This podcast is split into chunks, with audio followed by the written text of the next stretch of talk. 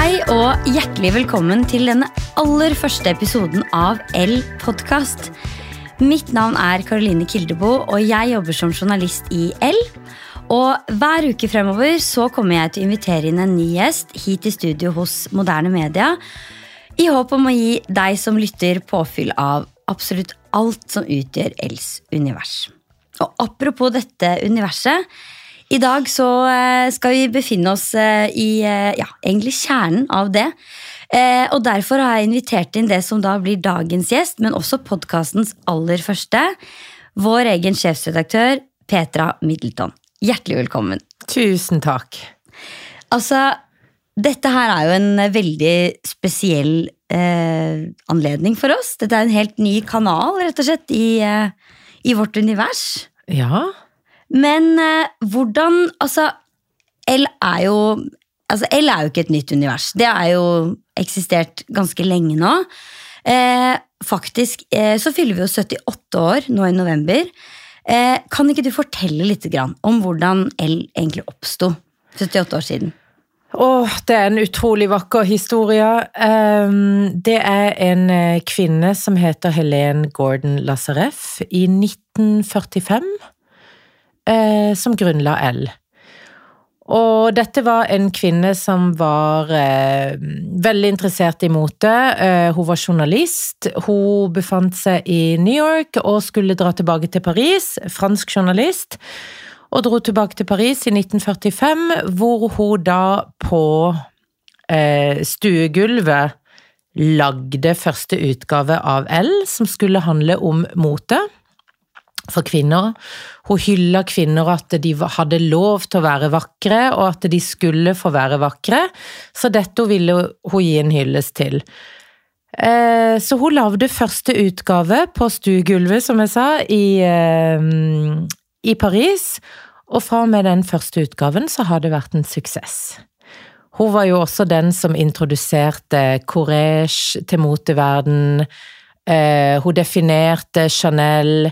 Altså, hun har vært med på alle, og det var hele tida budskapet. Hun skulle snakke um, Det skulle handle om mote, men hun var også veldig politisk engasjert. Hun snakka høyt om abort uh, på denne tida. Og um, Ja, men på en positiv måte, og hylla frem sterke kvinner. Det var hennes budskap. Og fortsatt er jo det en ekstremt viktig del av eh, både det L altså, gjør internasjonalt, men også det vi holder på med i vår norske redaksjon. Eh, kan, og Det er også interessant det der med at vi er en del av et så stort nettverk. Eh, fortell litt om hvordan L-systemet jobber. Nei, altså det er jo da hun starta det, så ble jo dette her Dette var jo et franskt produkt, da, til å begynne med. Men så har jo det ekspandert over 78 år, heldigvis. Så nå eksisterer vi i 46 land. Vi eh, deler Vi samarbeider mye, vi deler på kryss og tvers. Det er jo sånn at vi kan eksistere i 46 land. At vi har eh, lokale um, redaksjoner, men allikevel samarbeider på, på, budskapet, da. På inspirasjonen som vi har lyst til å dele. Eh, vi når ut til 60 millioner mennesker på verdensbasis. Uh, og er vel en av verdens største merkevarer for kvinner. Og det er jo veldig gøy at man, man kan dele på kryss og tvers, og det kommer jo også Selvfølgelig så har jo de store intervjuobjekter i både USA og Frankrike og eh, Spania, altså, men, men, vi også kan bidra på den delen, ikke sant? Så de ser jo hver måned på hva vi hva vi gjør for noe, så må vi hele tida oppdatere Frankrike og sende over til dette som heter L International. Vår content, vår produksjon, og så kan den bli fanga opp av andre, andre da, som har lyst til å republisere det. Og det har jo skjedd flere ganger. Så det er vi veldig stolte av, og det er veldig gøy. Så det er jo egentlig en sånn litt sånn hva kan man si, introduksjon til det internasjonale. Snakker vi om en norsk designer, så kan den få publicity i flere andre land. Så det er en sånn Ja, det er en veldig fin måte å dele på, da. Og vi er jo en eh, redaksjon eh, her eh, i Norge. Vi består av åtte personer. Eh, og vi gjør jo masse, masse forskjellig. Ja, vi gjør det. Vi er åtte personer som sitter nede på Aker Brygge, og det er et veldig stødig og fint team. Det jeg må nesten nevne, for det er både Karoline, det er du Karoline, Karoline Skjelbred, Vibeke, Johanna, Kaja, Charlotte og Natalie. Og vi, jo, vi har jo ikke bare én jobb hver, vi har jo mange hatter på oss, så her eh, Det er et godt team. Fortell litt om hva vi gjør. For det, er jo, altså En ting er jo alle Jeg bare antar at alle kjenner til printmagasinet vårt, men vi gjør jo veldig mye mer enn det. Ja, Guriland, print er jo bare egentlig produktet vårt, og det har vi hatt, og det skal vi ha fordi det var sånn det hele begynte. Men eh, vi er ti utgaver i året, og, men den største plattformen vår er jo l.no. Ja, og så har vi jo en del eventer, eksempel. Ja, og så har vi starta med El Gallan. Det er veldig gøy. Det starta vi med i fjor, så den kan vi komme tilbake til litt seinere. Men det er jo en hyllest og en award for å hylle kvinner vi, eh, vi heier på her. Og det som vi skriver om, og som vi følger og introduserer til leserne våre. Virkelig. Og så startet vi også et herremagasin for eh, to år tilbake som eh, heter Konkret. Og for de som lytter, som lurer litt på eh, hvordan denne jobben som sjefsredaktør faktisk ser ut i praksis, kan ikke du fortelle litt eh, om hva du gjør? Jeg har jo bakgrunn som stylist, så det var jo sånn det hele begynte eh, for meg i L, eh, å jobbe med mote. Og jeg må jo jeg må bare si at det er så viktig, det teamet vi er i L. Det er jo det som utgjør hele hele universet vi jobber med. Um, så ingen da er lik. Alle snakker like høyt.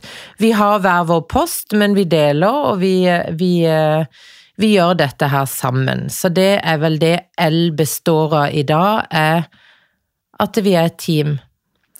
Ja, og du er jo veldig opptatt av dette med flat struktur. Det kan jo jeg bekrefte som eh, jobber med deg. Eh, og det at eh, det er, det er, en ekstrem åpenhet for nye ideer og ny tilnærming til det vi gjør. Eh, og jeg føler jo også at det kommer vi definitivt tilbake til uh, senere i denne podkasten. Men en av dine sånn nøkkelkvaliteter er jo at du er veldig åpen og veldig nysgjerrig. Og det opplever jeg, som har jobbet med deg noen år nå, at også har vært en veldig viktig del av det som har definert eh, din lederstil. Da. Så det er veldig en helt unik arbeidsplass eh, når det kommer til eh, dette her med å jobbe som team, og, og at alle, alle, stemmer er like viktig, da. Så det, det, ja, det, vil jeg, det, vil jeg, berømme deg for, for det, det gjør det kjempegøy. Ja, men Det er veldig sammen. hyggelig. Men altså, det, er jo veldig viktig, og det er jo ikke under Altså, vi må ikke undervurdere noe i dette her. Det er det ikke mye som er lagt til tilfeldighetene, selv om man er ganske løsningsorientert eh, i produksjonsfaser. Men, eh, men eh, det, det, består mye i planlegging og, og produsering av dette. Det er jo aldri et cover som går i trykk uten at alle har sagt sin mening, at vi har gått igjennom covertekster. Det er aldri en sak som blir publisert uten at eh, vi, vi eh, har lest igjennom og går igjennom, og vi går igjennom eh, l.no daglig på, på alt vi skal inspirere om. Virkelig. Men altså, nå har vi jo snakket litt om hvordan, altså L og, og, din jobb i dag, men hvordan havnet du egentlig her? Én ting er i L, men først og fremst da som stylist, som var liksom veien inn i L. Hvordan fant du ut at det var det du ville jobbe med? Hvordan ble dette din vei?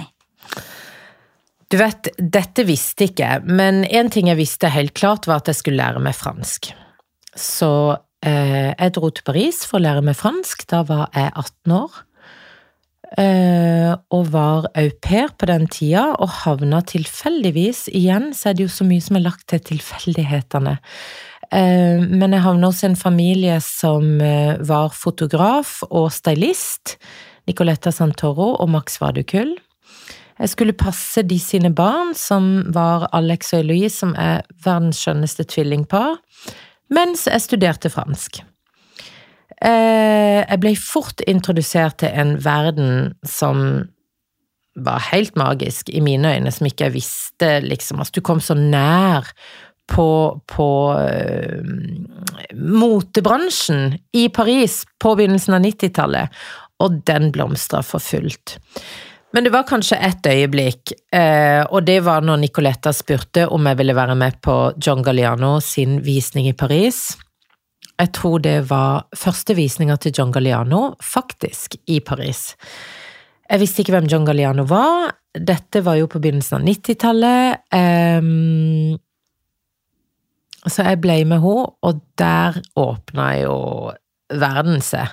Altså, én ting at jeg hadde vært hjemme, og de hadde åpna dører, og jeg hadde sett Kate Moss komme inn og ut på castinger, eh, Sting som satt og drakk kaffe på kjøkkenbordet, altså alt dette her. De var jo en sånn stor familie som hadde mm, et nettverk som var helt uh, unikt, eller innenfor denne bransjen. Men, men, akkurat mitt øyeblikk var vel den første visninga til John Galliano. Da kom den ene supermodellen inn etter den andre, og jeg tror de var kledd ut som geishaer. Um, dette var på et lite sånn hotell Ikke hotell, men en eller annen sånn fin eiendom i, på San Sulpice i, i um, Paris.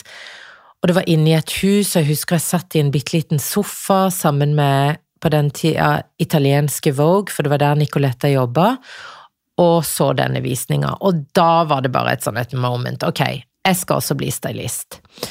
Og så begynte jo ballen å rulle. Eh, jeg måtte jo fortsatt lære meg fransk, for det hadde jeg jo ikke gjort. Eh, Nicoletta og Max, jeg var jo au pairen de sin.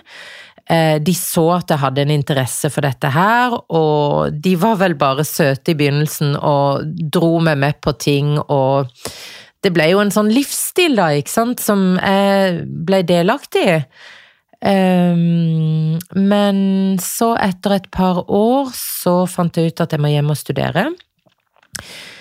Fordi livet i Paris er tøft. Som au pair så tjener du ingen penger, som fattig student, uh, så det var jo liksom å, å prøve å finne ut av hva en skulle bli når en ble stor, da. Så jeg fant ut jeg skulle reise hjem, men akkurat det tidspunktet der så ble Max og Nicoletta ringt opp av Anna Wintour og spurt om de ville komme til USA og jobbe for amerikanske Vogue. Da spurte de om jeg ønska å være med, og da endra jo ting seg. Så da takka jeg ja til å bli med til New York. Eh, så jeg bodde der i nesten fire år, og begynte studiene mine der på FIT. Eh, men når man bor i New York, så er man jo også Ja, man skal jo Som jeg sa tidligere, da, at eh, man må jo få lov til å prøve andre ting, og plutselig går det ikke sånn som man vil, ikke sant, når du er sånn egentlig au pair og second assistant og går på skoler, så bare sånn Nei, det er ikke dette her. Du ser hvor vanskelig det er å komme inn i denne moteverden, denne industrien i New York, og du er liksom 21 år og Så da fant jeg ut nei, jeg får bli skuespiller sånn som alle andre jeg traff i New York. Så da begynte jeg på disse På en teaterskole i Tribeca. Um, dette var på midten av 90-tallet, um, og det var veldig gøy, men det gikk fort over. Um, der ble jeg introdusert og, og gjorde litt gøye ting, men jeg havna raskt på kostyme, og det var der jeg fant min plass, da. Ehm, etter å ha gått der i et år og tenkt at jeg skulle bli skuespiller, så fant jeg Nei, det var ikke det. Tilbake til styling, og det var det jeg ville bli. Men eh, etter, år, nesten, etter nesten fire år i New York, så fant jeg ut nå er det på tide å stå på egne bein. Nå må jeg reise tilbake. Eh, jeg må prøve meg som stylist. Da hadde jeg vært med denne familien i nesten syv år, og hadde gått på skole i fire, så jeg kjente at det, nå var det på tide å begynne for seg sjøl. Eh, men jeg er veldig glad for den tida, for det at, eh, som Nicoletta hele tida sa, det er egentlig For å være stylist, så skal du egentlig være psykolog og politiker. Det var liksom Hva mente henne du sånn. med det? Nei, ikke sant, fordi at du skal inn, du skal overbevise om at det du kler enten skuespilleri eller modeller, eller gjør en moteserie, eller en visning, eller på filmkostyme, ehm, så skal jo du inn og overbevise og få folk til å føle seg vel. Ikke sant? Med ditt uttrykk, og du vet jo også, som alle som lytter nå, at eh, vi kan godt vise en kjole og tenke at den er helt fantastisk, eller en kolleksjon, herregud så fin den var, mens eh, naboen min vil jo synes den var helt katastrofe. Det er jo ikke noe fasit her, ikke sant, eh, på hvordan På hvordan På hva som er fint, og hva som ikke er fint, da. Det er veldig sant. Det er ja, ekstremt subjektivt. Eh, både kreativitet, kunst, underholdning, ikke minst. Altså, Absolutt. ja, det er sant. Så man må jo egentlig bare lære seg å, å stole på seg selv, da, egentlig, og bare tenke at ok, det er dette her jeg går for. Ja, det, nå står jeg i det. Nå står jeg i det, og så må du Så hjelper det jo at du har erfaring og, og eh, kunnskap på det du formidler, da. Ehm, for da står du jo litt stødigere i det, og så hjelper det jo med erfaring at du har testa ut noe før, du har sett hva som har fungert, hva som ikke har fungert. Du klarer liksom å lese rommet, da, når du kommer inn, og det er jo eh, det er jo det samme som en stor del av jobben vår som jobber med mote i L, er jo også å finne den der røde tråden som går igjennom sesong etter sesong, liksom. Hva er det egentlig de nye trendene sier for noe? For det er jo mange som har ut, altså forskjellige uttrykk.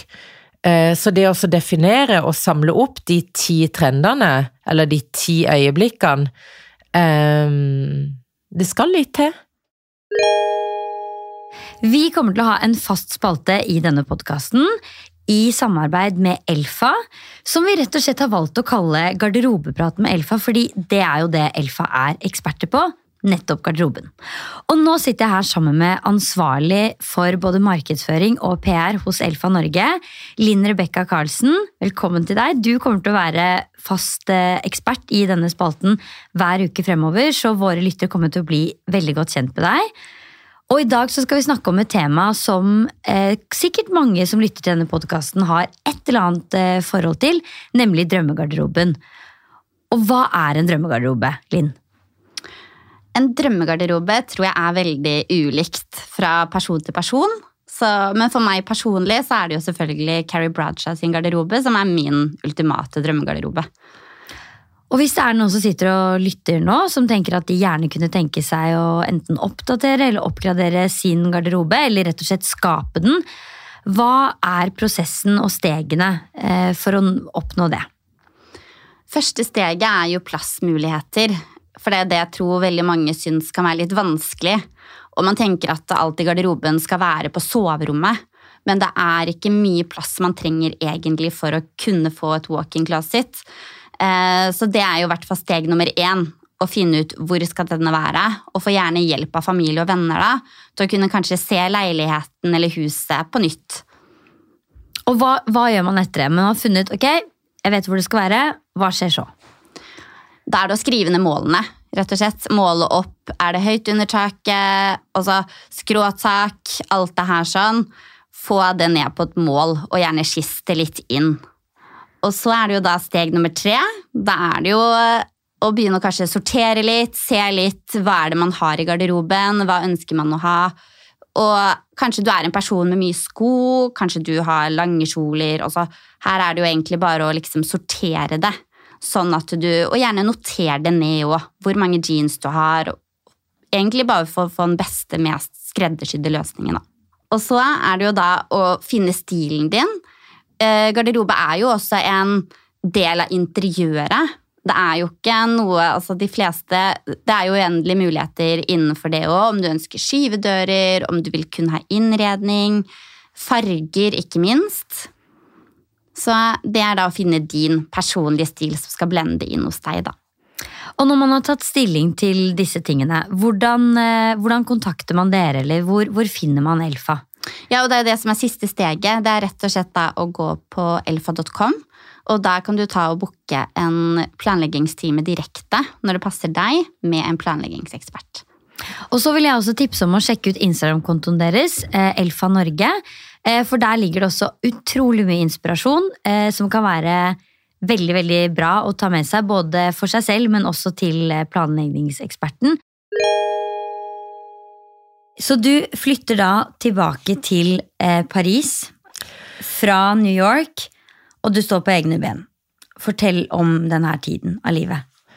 Nei, altså det var, det var en tøff tid, fordi at det var første gang jeg sto på egne bein.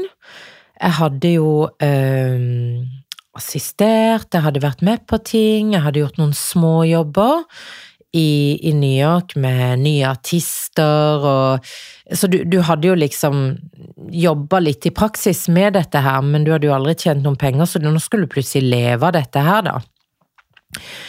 Eh, og det var ikke så lett, men eh, store drømmen var jo å jobbe for motemagasiner, da, ikke sant, altså få en bein innenfor der. Selv om jeg hadde assistert på utallige shoots hvor, hvor dette var tilfellet.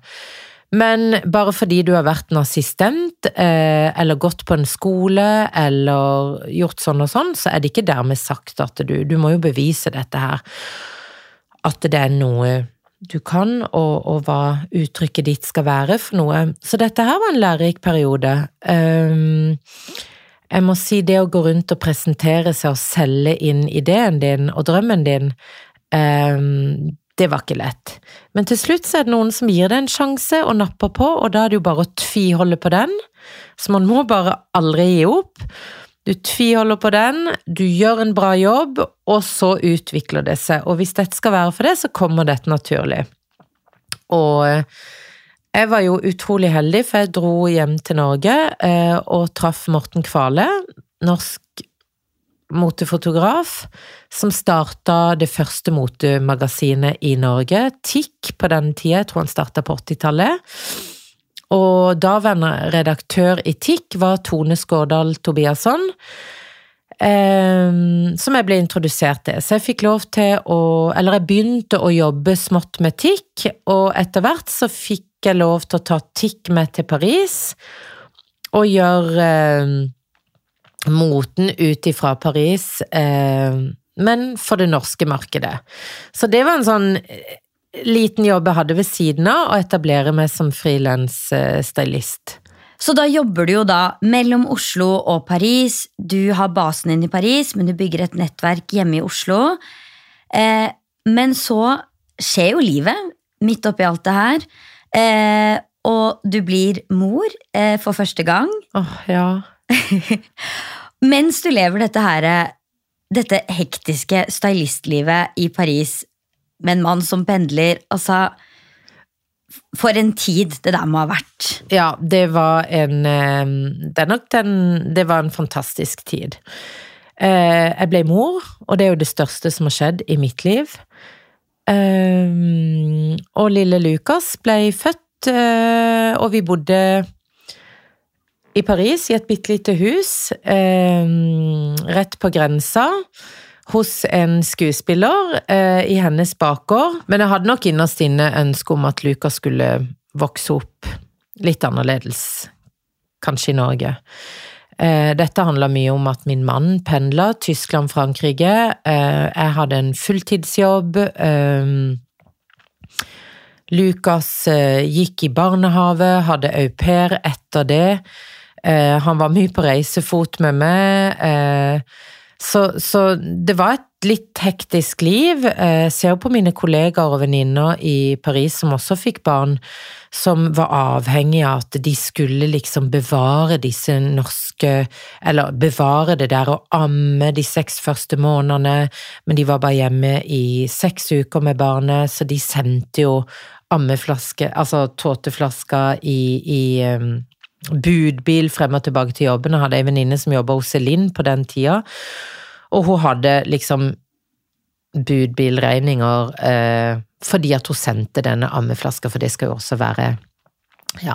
Ja, det er Så absurd. det, uff, ja, Nei, det var, det var mye der. Så man, man hadde kanskje et ønske om at han skulle vokse opp litt annerledes, hvor det var kanskje litt mer sånn tilrettelagt eh, for karriere for kvinner.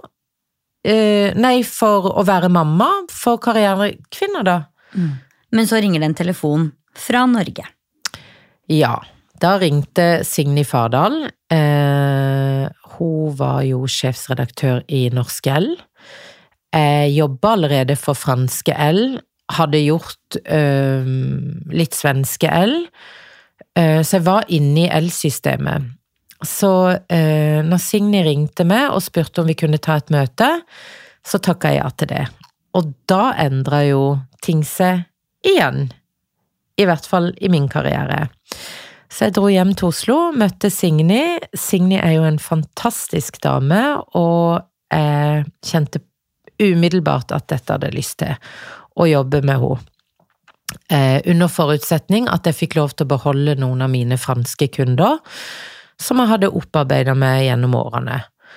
Og eh, det var ikke noe problem, så jeg fikk jobben som moteredaktør i 2006. Litt redusert stilling. Eh, men flytta da hjem sammen med Lukas, og fikk lov til å begynne å jobbe som moteredaktør for Norske L. Og det var jo eh, altså drømmejobben. Det var absolutt drømmejobben. Eh, det å få tilhøre eh, L-familien, om man kan si det sånn, det, det, det har vært et stort ønske. Eh, når jeg kom hjem, så fikk jeg mitt andre barn, Alexander, i eh, 2008. Eh, Men da begynte jo reisen i Norsk L, og et meget tett samarbeid med det teamet som var da. Men kan ikke du fortelle om noen litt sånn Altså, du, har jo vært med på vanvittig mye i alle dine år eh, med L. Fra 2006 til i dag. Er det noen høydepunkt som du kan dele, noen spesielle opplevelser?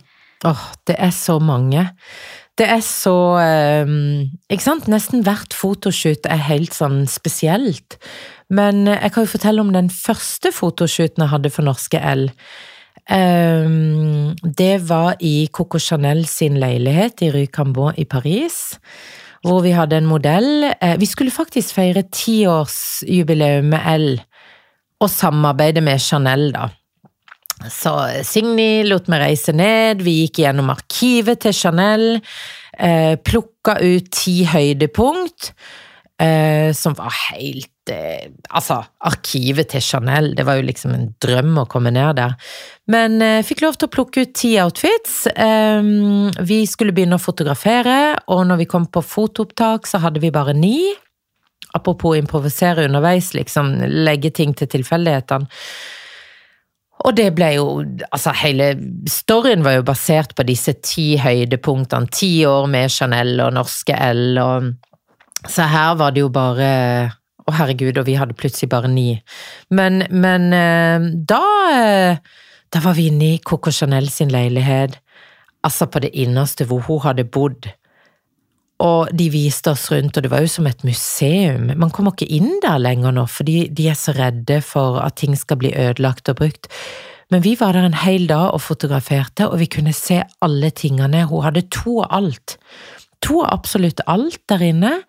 Det var liksom to krystallkroner, to øh, øh, dådyr som sto som sånne statuer og møtte det, og veldig overtroisk øh, Coco Chanel. Men på siste bilde så kom jo aldri denne kjolen, for den var støkt hos Nicole Kidman. Ikke sant? Så der lå modellen eh, naken på sofaen med bare et par sko.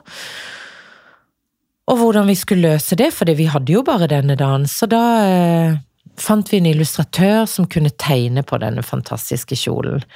Eh, og det ble altså et av de fotoshootene som jeg er mest stolt av gjennom min karriere, i hvert fall. Eh, for det var så historisk, og det var så mye Ja, det, veldig fin story.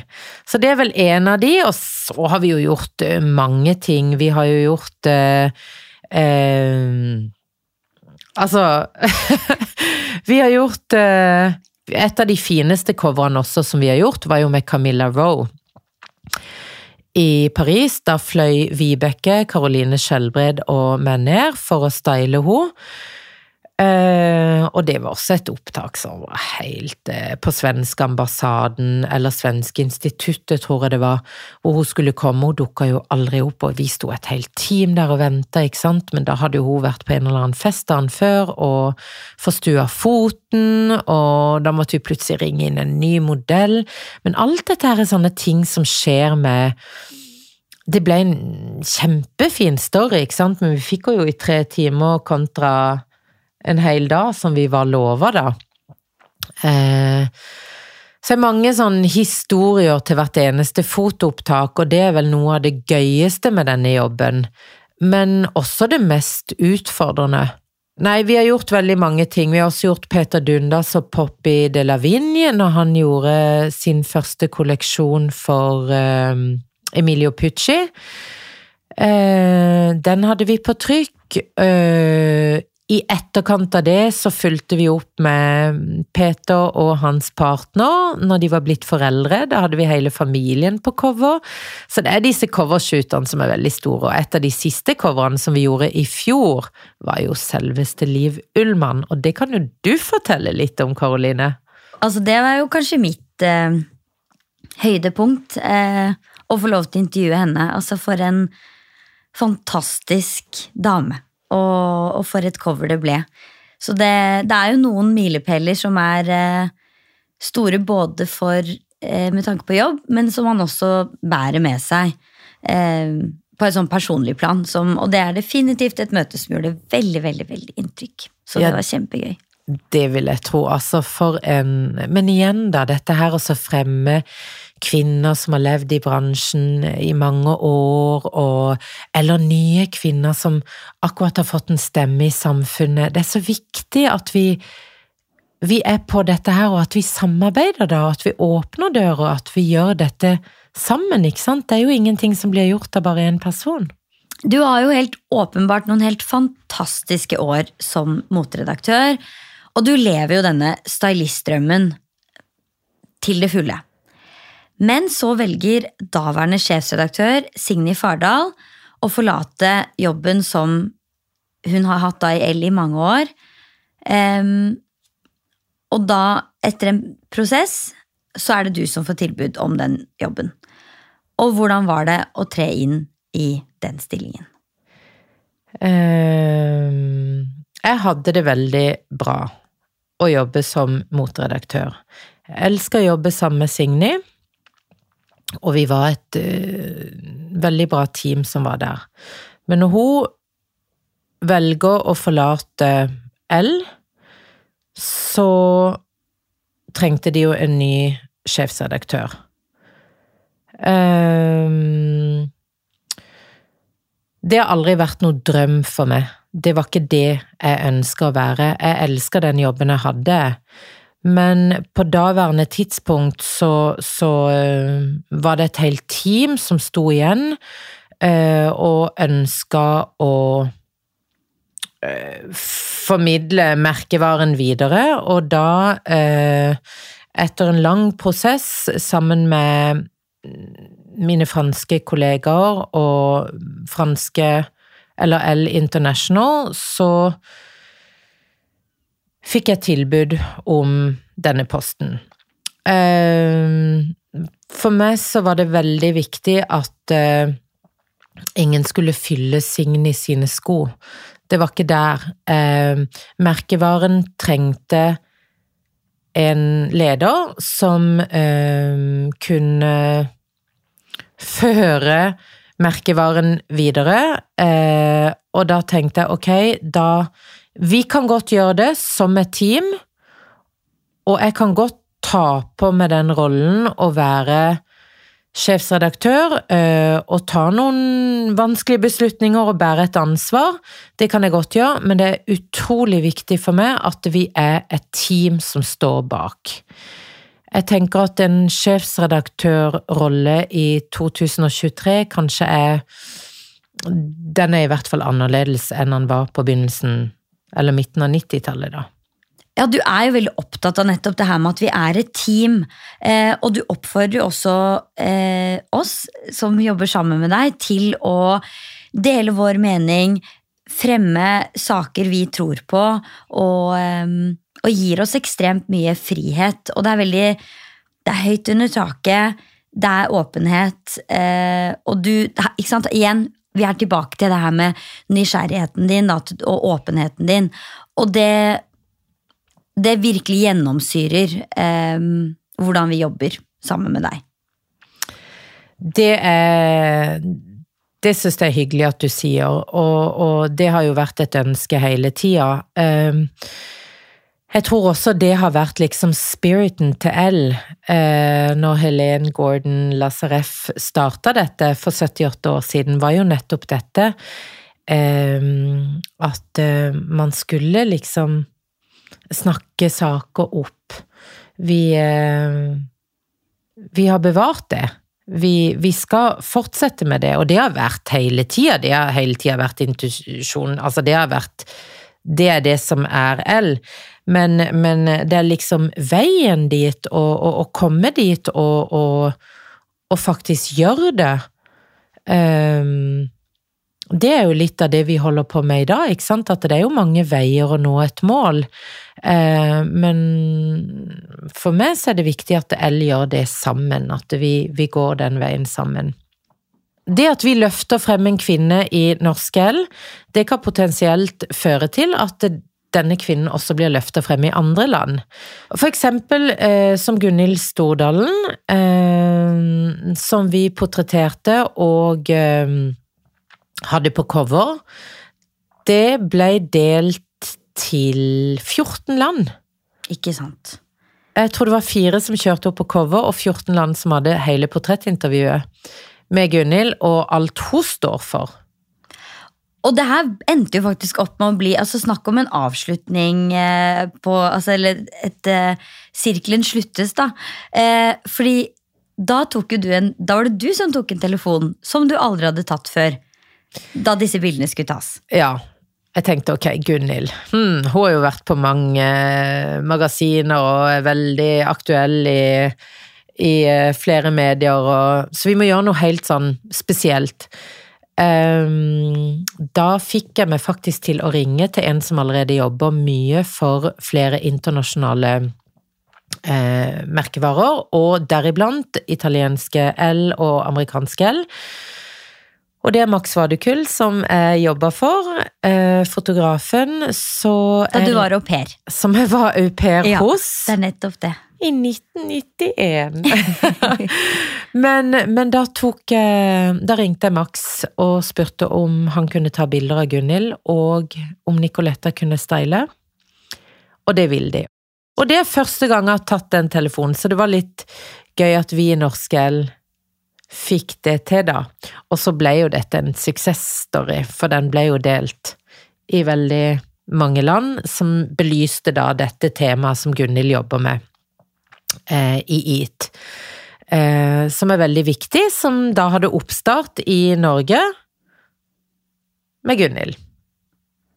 Og det viser jo også eh, hvordan dette her, denne jobben også handler, handler om å Eh, samle på ikke bare erfaringer, men også noen skikkelig fine folk på veien. Og hvor viktig det er å, å bevare gode relasjoner.